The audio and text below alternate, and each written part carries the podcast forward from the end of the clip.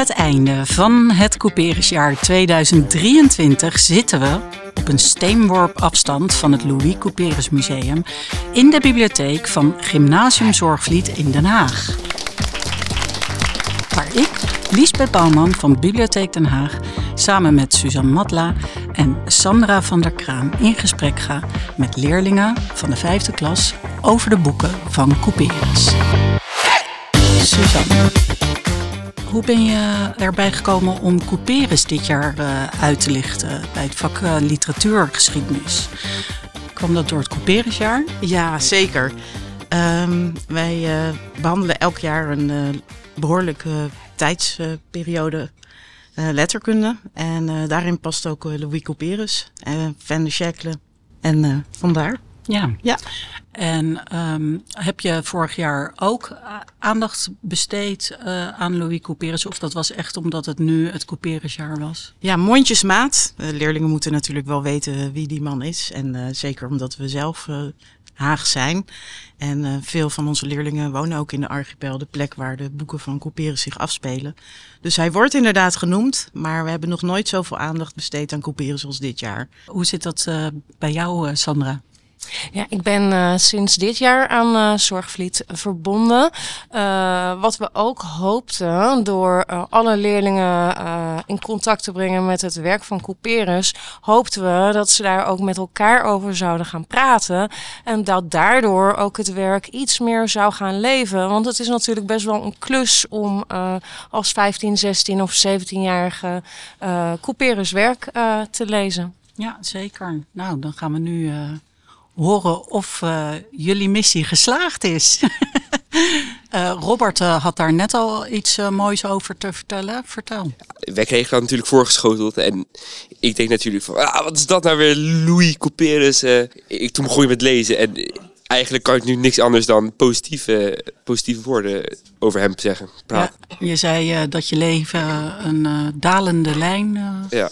had. Maar, maar sinds... sinds ik zijn boek heb gelezen is het eigenlijk alleen maar stijgend geweest. Nou, fantastisch. Oké, aan jullie het uh, woord. Ja, ik ben uh, heel blij om te horen, Robert, uh, dat jij uh, in elk geval heel, heel positief bent.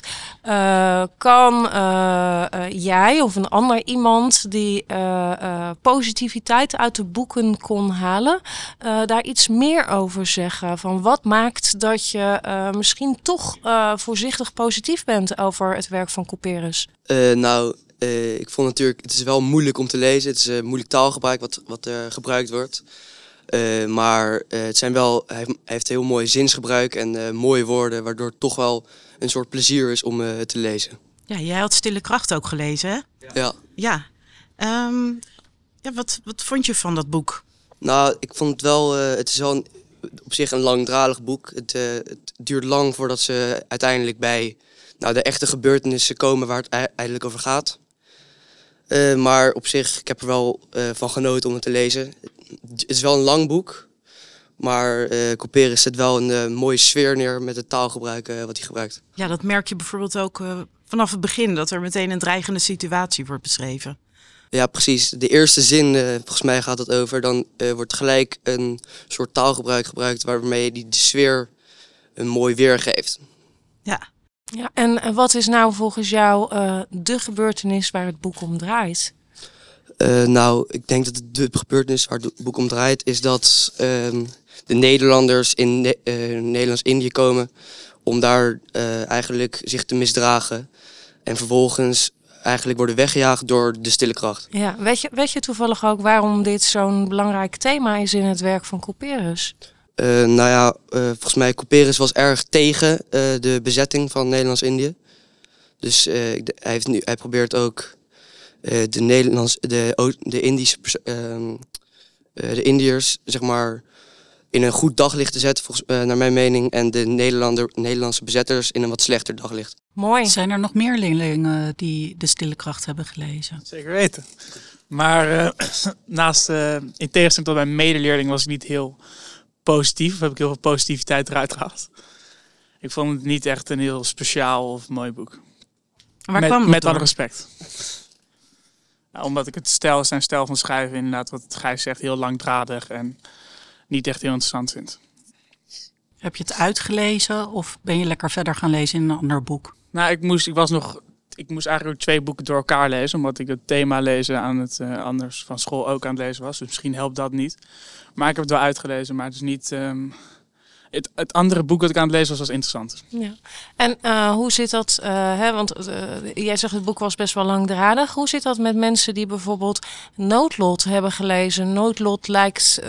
sommige mensen vinden dat een wat sneller boek. Ehm, ja, ik moest ook nog steeds wel soms bladzijden opnieuw lezen of even ehm, op andere recensies kijken waar het nou precies over ging. Maar ik moet zeggen, naarmate ik er meer in kwam en ik wat verder was in het boek, het had, wel een lange opstart, zeg maar, ehm, vond ik het wel gewoon, ja, lees het wel gewoon door. Ja, sommige mensen beweren ook dat noodlot een beetje soapachtig is. Merkte jij daar eh, iets van? Ehm, ja, ik merkte dat zeker wel aan het einde. Toen, toen gebeurden er wel veel dingen in één keer eh, tegelijk, zeg maar. Maar aan het begin niet echt. En de, de manier waarop Frank en Bertie met elkaar omgaan, is dat een beetje soapachtig? Of iets wat je in het echte leven, waarvan je denkt van, oh, dat kan eigenlijk nog steeds wel? Eh, ja, ik denk juist nu, omdat het er ehm, wel op leek alsof Bertie eh, echt wel gevoelens had voor Frank. Dus ik denk dat dat eigenlijk misschien wel bijzonder was voor die tijd dat daarover werd gegeven en nu wel steeds meer kan eh, voorkomen. Waaraan merkte je dat? Dat eh Bertie gevoelens zou hebben voor Frank? Ehm, nou, doordat hij was, Bertie was eigenlijk ook heel goed bevriend met Yves. Dus hij had niet echt per se een reden dat hij hun zo graag uit elkaar wilde drijven. Maar dat had hij toch wel. Dus eh, dat deed hij ook. Eh, ik vond het boek op zich wel, eh, het las wel goed door. Dat vond ik wel fijn van het boek. Ja, bij het begin was het wel wat trager en bij het eind gi- ging het wel een heel stuk sneller. En dat hele noodlot, hè? Hoe, wordt dat, eh, hoe komt dat nou terug in het boek? Eh, nou, bijvoorbeeld bij het eind, toen, eh, toen liet volgens mij Frank, of, of nou ja, volgens mij Yves, die, die liet toen het vergif waarmee ze zelfmoord wilde plegen, die liet ze toen vallen, maar het brak niet. En dat is dus volgens mij een symbool van het noodlot. Eh, en daardoor hebben uiteindelijk eh, Frank en Yves zelfmoord gepleegd. Dus daar zie je dat wel heel goed in terug. Dat is wel behoorlijk, eh, behoorlijk noodlottig. Was het nou eh, eh, typisch iets voor eh, Louis Couperus? Zien andere mensen dat ook in hun werk, dat noodlot? Waar misschien niet de titel het noodlot is, maar waar dat noodlot toch in het boek zit? Ja, in mijn boek heb ik eh, dat noodlot niet echt voorbij zien komen. Eh, de oude mensen. Nou ja, het is natuurlijk wel spannend als je het. eh, Kijk, het verhaal op zich is natuurlijk wel spannend, maar ik vind gewoon de manier waarop het wordt geschreven is denk ik niet helemaal wat bij mij past, wat ik leuk vind om te lezen. En had je het in de hertaling gelezen of het origineel? Eh, ik heb het een beetje allebei gelezen. Dus als ik dan het, eh, als ik een bladzijde las en ik dacht van nou, eh, het gaat me iets ver, dan eh, las ik even door de hertaling heen.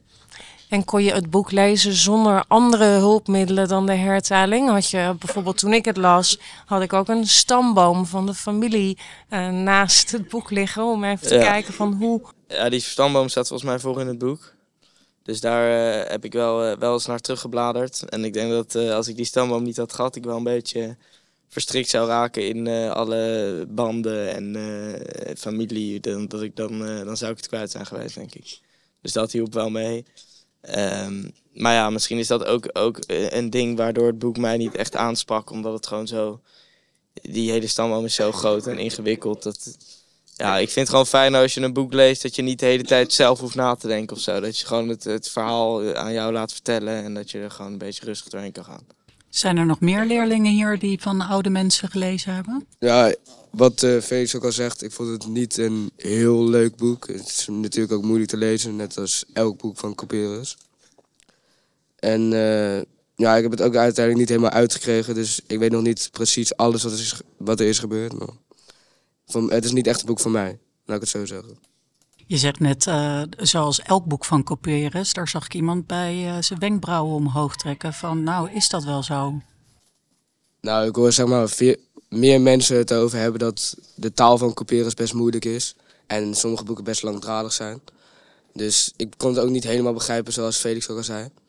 En ik heb ook niet de hertaling gebruikt, dus ik snap het boek sowieso niet helemaal. Ik zie naast jou iemand zitten met een hertaling in zijn hand. Vond Ja. je het ook moeilijk eh, om dit... eh, welk boek had jij gelezen? Ja, ik had dus ook van oude mensen. Ja. Eh, en dan, ik heb gewoon de hele vertaling gelezen. En de stamboom voorin is eh, zeker van pas gekomen. Die heb ik denk wel elke vijf bladzijden of zo dat ik heel even moest kijken. Ehm, ja, op zich beviel het boek me wel. Omdat het gewoon heel... Het is wel langdradig, maar alles focust om dat ene geschiedenisgeheim heen. Ja, en wat is dat nou uiteindelijk voor geheim? Eh, ja, er is een moord gepleegd. Mhm. Ehm, en dat weten alleen de oude mensen. En langzamerhand in het boek komen meer mensen erachter. Eh, en ja, eigenlijk is het... ehm, er wordt ook heel veel het woord noodlot in het boek gebruikt. Wat me opviel. Omdat dat natuurlijk ook wel een soort van noodlot is. Dus eh, Ja, en wat is het, het noodlottige in dit verhaal?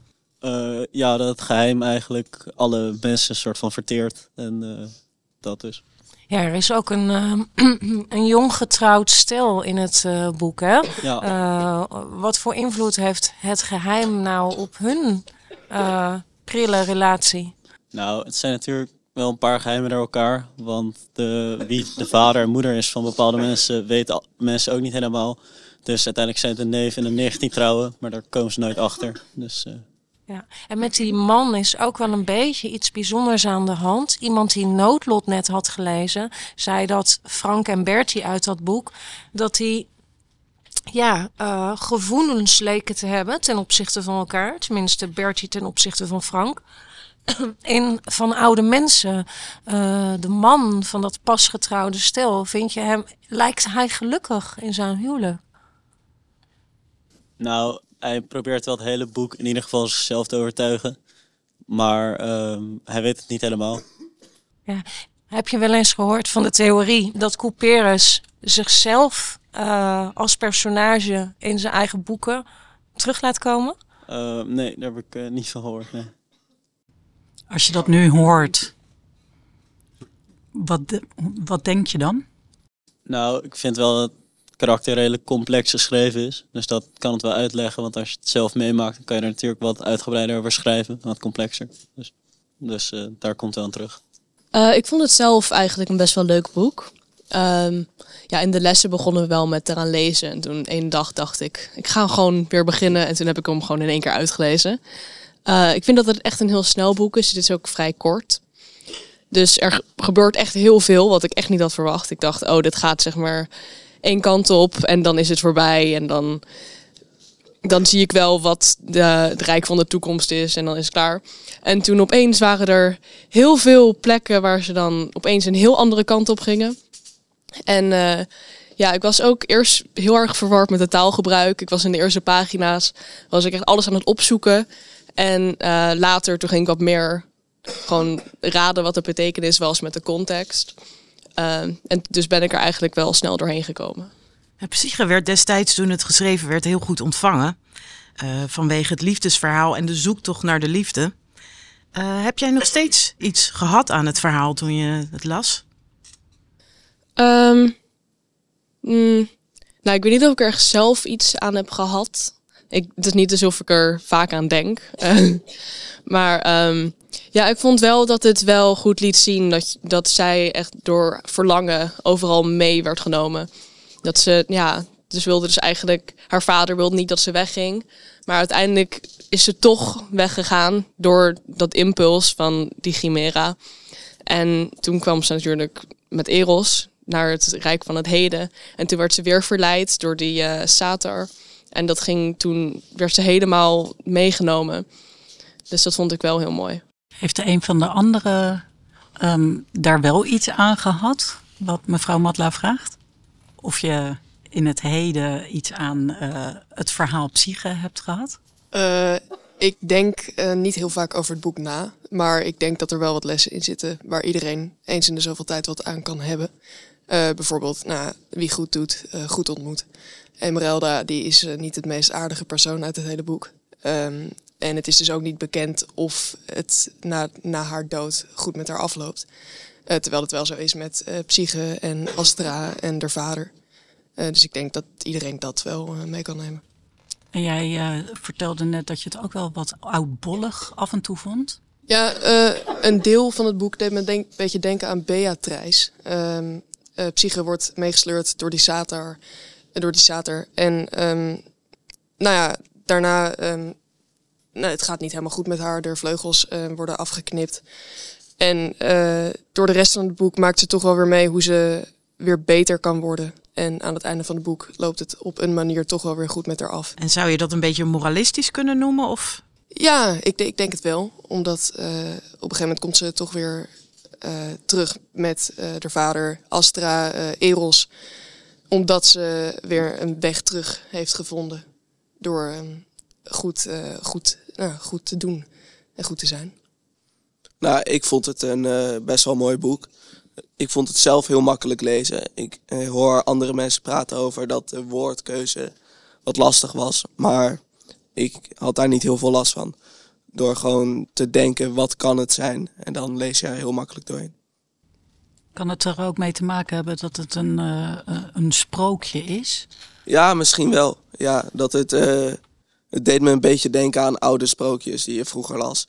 En dan kan je het wel een beetje bedenken wat er allemaal gebeurt. Het was een klein beetje voorspelbaar soms, maar ik vond het wel een interessant boek.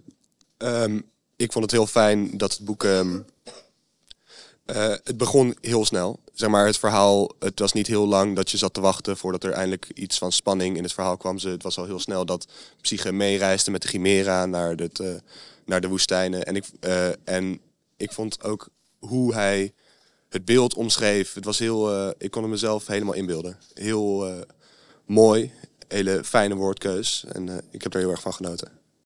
Jij hebt je eigen exemplaar met. Ja, dat klopt. Dat heb ik van mijn moeder gekregen.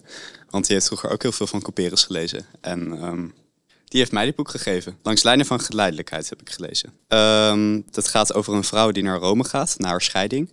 Um, en eenmaal in Rome bedenkt ze allemaal feministische ideeën... omdat ze denkt een nieuwe vrouw te kunnen zijn. Een moderne vrouw. maar vervolgens wordt dat beeld een beetje ja, een beetje weerlegd door het feit dat ze een man ontmoet, uh, Duco. En die man vindt ze eigenlijk heel aardig en daar wil ze ook mee samenwonen. Alleen omdat ze wel zo tegen het huwelijk is door de vorige man, um, weigert ze met hem te trouwen. En na een aantal maanden heel gelukkig te zijn met hem, gaat ze naar Nice om geld te verdienen. Maar daar ontmoet ze weer de ex-man. En waar het eigenlijk op neerkomt, is dat ze versleurd raakt in de oude liefde die ze had voor de ex-man. En toch teruggaat naar die man. Ja, eigenlijk wordt er ook een soort emancipatieproces van de vrouw beschreven, toch? In het, in het boek. Um, Voor die tijd. Nou, dat vond ik wel interessant, want het begin lijkt een soort feministisch thema te hebben. Omdat het laat zien dat uh, de hoofdpersonage Cornelie um, heel onafhankelijk is. Maar later wordt het ook weer een beetje veranderd, omdat ze eigenlijk toch wel weer toegeeft aan haar gevoelens. En daarom vroeg ik me af of het wel echt als feministisch kan worden gezien. Maar het was wel heel interessant om te lezen. Hoe, hoe denk je, hoe zou Couperus over de rol, over de positie van de vrouw gedacht hebben? Um, ik dacht aan het begin van het boek dat het een hele, ja, een soort sterk idee was van onafhankelijkheid.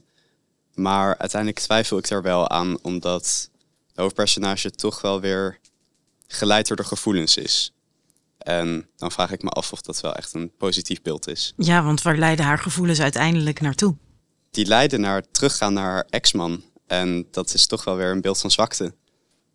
En daardoor ja, betwijfel ik wel de positie van de sterke vrouw.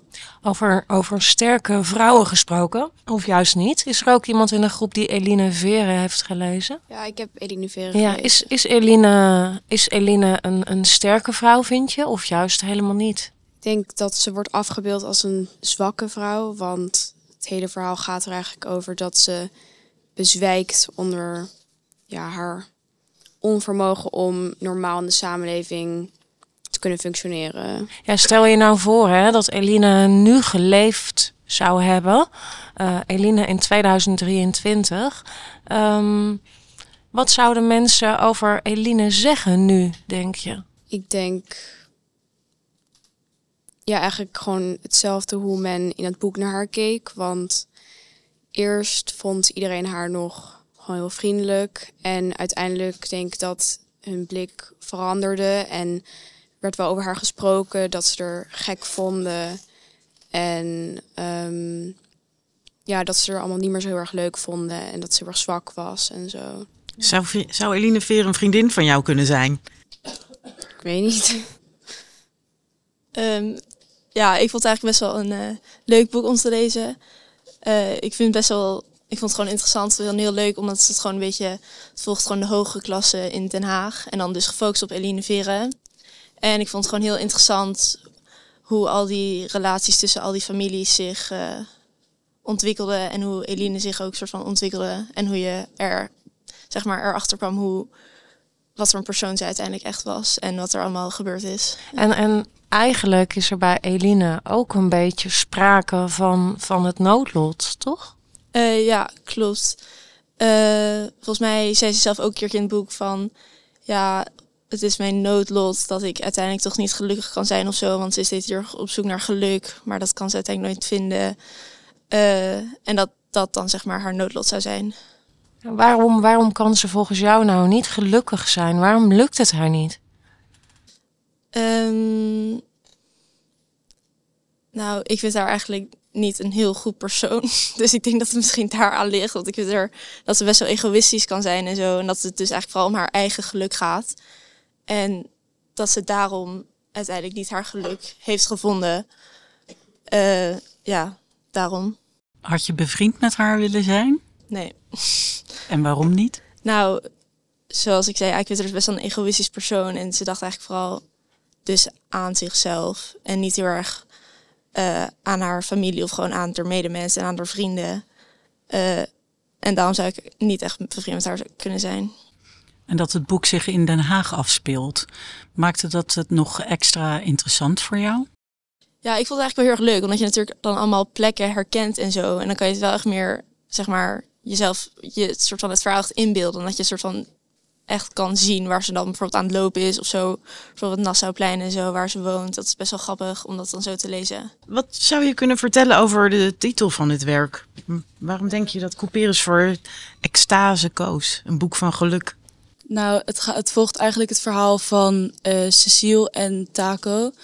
En um, het speelt zich ook af in Den Haag. En samen vinden hun zielen eigenlijk bij elkaar heel veel geluk. En um, eigenlijk in de climax van het boek um, is het ineens heel spiritueel en dan vinden ze het licht en dan komen ze in een soort van trance van geluk. En ik denk dat zij dan allebei heel erg op zoek zijn naar dat gevoel van extase en dat ze dat dan bij elkaar vinden. Ja, want wat hebben Taco en Cecile voor relatie? Um, nou ja, dat is eigenlijk best wel moeilijk, want ze zijn dus niet een koppel of ze zijn zeg maar niet verliefd op elkaar in de zin als hoe wij dat bijvoorbeeld kennen. Maar eigenlijk um, in het begin van het boek, hoe ze elkaar dan ontmoeten. Eerst vindt Cecile hem gewoon een beetje vervelend, wil ze juist afstand van hem houden. Ja, dat ene mooie woord. Antipathiek. Precies. Ja. En uh, ja, daarna dan. Um, of ik denk dat Joep het misschien wel weet. Um, nou, het begint natuurlijk met uh, dat ze hem heel antipathisch vindt. En uh, dan komt uh, hij later op bezoek en dan beginnen ze met praten, leert hij haar echt kennen. En uh, dan ontstaat er een soort van extase tussen hen als ze samen gaan praten. Ja, en hoe gaat Cecile dan ook om met die relatie? Um, nou, ik had het gevoel dat zij er een echte relatie van wou maken, ook fysiek. Maar dat Taco wat meer op afstand wou blijven, omdat hij een soort van twee kanten had. Eén uh, normale kant en één beestachtige kant. En hij hoopte gewoon dat hij de beestachtige kant los van Celine, uh, Cecile kon houden. Ja. ja, dat wordt ook verteld. In het boek komt ook een filosoof Emerson voor. En die vertelt ook dat dualisme beheerst de wereld en een mensenleven. Maar dat dat ons juist verder helpt. En wat ik nog niet gehoord heb, is wat jullie van dat werk vonden. Wat vonden jullie van extase? Nou, ik vond het zelf wel een mooi boek. Ik vond het soms alleen een beetje langdradig als het ging om de sfeer te beschrijven. Want dan had hij eigenlijk gewoon, was het even dialoog en dan een hele pagina met hoe hij de sfeer tussen die twee beschreef. En dat vond ik soms een beetje saai en was het lastig om door te lezen. Ja, ik vond het ook wel een beetje helpen dat, nou ja, het is natuurlijk best wel lang ge- geleden beschreven, maar het speelde zich heel erg af waar ik dan gewoon vijf minuten vandaan ben opgegroeid. En dan voelde het wat dichter bij huis. En ehm, nou ja, er kwamen ook wel, het was vooral Cecile, haar perspectief, maar dan soms tussendoor kreeg je dan bijvoorbeeld een hoofdstuk van Jules of van Taco. En nou ja, ik snap wel wat Joep bedoelt. En bijvoorbeeld soms waren er hele pagina's over hoe Cecile zich kon voelen. En dat dat dan bijvoorbeeld voor dagenlang bleef hangen. En ehm, nou ja, samen met dat taalgebruik is dat misschien moeilijk om dan zo door, door zo'n bladzijde te lezen. En heb ik dat wel eens opnieuw moeten lezen. Maar ehm, uiteindelijk, het was een kort boek en ik ben er best wel vlot doorheen gegaan. Ik vond het ook wel heel leuk. Het is natuurlijk wel even wennen aan taalgebruik. En eh, nou ja, ik moest ook even schakelen. En op een gegeven moment, ik denk dat als iemand er bijvoorbeeld echt voor gaat zitten en dan gewoon een uurtje zou gaan lezen, dat je dan dat wel, dan gaat het bij mij ook wat vloeiender allemaal om gewoon het te begrijpen. Ehm, iedereen moet voor zijn mondeling eh, een aantal boeken voor 1880 lezen. Ehm, als je iemand een boek zou aan moeten raden, zou een van jullie het boek van Couperus aanraden? Zo ja en waarom? Eh, ja, ik had eh Psyche gelezen en ik zou dat zelf wel aanraden. Maar eh, dat komt denk ik ook omdat ik zelf eh, Griekse mythen vind ik zelf ook wel leuk. En ja, ik denk dat mensen die dat leuk zouden vinden, ehm, het boek ook wel leuk zouden vinden. Want het gaf mij wel een soort van gevoel alsof ik dat aan het lezen was. En volgens mij eh, had het er ook wel mee te maken, want ehm, Eros, die in het boek voorkomt, ehm, ja, die hoort ook bij de Griekse mythen. Maar ook als mensen niet van Griekse mythen houden, zou ik het alsnog wel aanraden. Want ik vond het heel erg mooi omschreven. Met, ehm, ja, het, het was gewoon heel erg mooi taalgebruik. En het was ook wel een kort boek. Dus ik denk dat veel mensen dan ook al gelijk denken van, oh ja, dan zou ik het wel willen lezen. Ehm, ja, en het was gewoon, er gebeurde wel veel en het was eh, vlot omschreven. En ja, het gaf een soort van magisch gevoel als je het las. Dus ik zou het wel aanraden. Ehm, ik denk het wel, ook omdat het voor een deel moet. Maar ik vond het wel een Stille Kracht een interessant boek, omdat mijn opa is opgegroeid in Nederlands-Indië. Dus daardoor, door de verhalen die ik ook soms wel herkende. En eh, ja, daardoor kwam het ook wel wat meer binnen bij mij, het verhaal. Dus wat eh, zij net al zei, is het denk ik leuk als je voor een deel kan ehm, je jezelf kan herkennen in een boek. Ja, ik had dat totaal niet. Eh, ik, ja, ik vond het enorm lastig om te beginnen met het lezen van het boek. Ik heb ook eh, meerdere keren ben ik gewoon opnieuw begonnen met het lezen van het boek, omdat ik gewoon niet een soort van de logica van het verhaal kon volgen. Dus ik heb ook Stille Kracht gelezen. Dus ja, bij mij, bij mij eh, sorry? Nee, lukte niet. Ik ben, uiteindelijk ben ik wel verder gaan lezen, alleen ja, ik volg het verhaal niet helemaal goed. Als je nu eh, eh, andere verhalen hebt gehoord, zit er dan een verhaal tussen waarvan je denkt, hmm, als ik nu nog een boek zou moeten lezen, dan zou ik dat boek lezen? Mm, nou, misschien verhalen die dan, wat ik hoor, afspelen in Den Haag. Want dit speelde zich meer af in dat, ehm, dat Nederlands-Indië. Eh, dat dan misschien dichter bij mij brengt, waardoor ik het interessanter gaat vinden, ga vinden. Dus misschien dat dat wel iets zou helpen, maar niet per se dat één boek me echt aansprak. Ehm, nou, ik heb ook Stille Kracht gelezen. En ik denk dat ik het wel zou aanraden. Uh, wegens het feit dat je wel zo'n boek moet lezen. Inderdaad, wat Robin ook al zei. Ehm, maar mijn ervaring met het boek zelf is dat het eigenlijk best wel een leuk boek was. Ehm, ik vond het mooi dat ze. Je gaat toch wat meer in detail in op wat er gebeurd is op Nederlands-Indië. En dat, eh, ja, het heeft wel een soort informerende rol gespeeld, het boek. En dat vind ik wel eh, leuk bij boeken altijd. En ik denk gewoon dat van eh, de oudere boeken die er zijn, dat de boeken van Couperus wel daadwerkelijk heel nou, leuk zijn. En ik vond het lezen ervan ook. Dat het, is een soort, het gaf een soort frisse wind in alles wat ik al heb gelezen. Nou, ik denk niet dat mijn blik heeft veranderd, omdat ik gewoon. Ik was niet zodanig goed onderwezen dat ik een hele mooie mening erop kon vormen. Maar ik denk gewoon dat het heel erg heeft geholpen dat, eh, dat ik het verhaal nu ken. En dat ik een beetje weet wat er nog meer is gebeurd. En zoals ik al zei, in meer detail. Want ja, je krijgt bij vak als geschiedenis gewoon te horen van dit is er gebeurd. Het cultuurstelsel en uh, zus en zo. Dat zijn gewoon feiten en statistieken die je daar krijgt. Maar uh, dit is meer wel echt een verhaal ook vanuit de, de, de inheemse zelf, als het ware. Ja, ja, vooral dat inderdaad. Wat Mas al zei, in die geschiedenisboeken lees je alleen de feiten. En uh, nou, natuurlijk omdat ik van mijn opa wel verhalen heb gehoord en van mijn moeder weet ik ook wel iets meer over het gevoel wat hij in ieder geval erbij had. En dit was wel een bevestiging daarvan, van die stille kracht. Dus dat het echt allemaal niet uh, roosgeur maneschijn was. Uh, en dat ook Holland destijds werd neergezet als iets heel goeds en iets heel moois. Terwijl, nou ja, toen veel mensen hier aankwamen uit Nederlands-Indië, dat dat echt wel uh, tegenovergestelde was.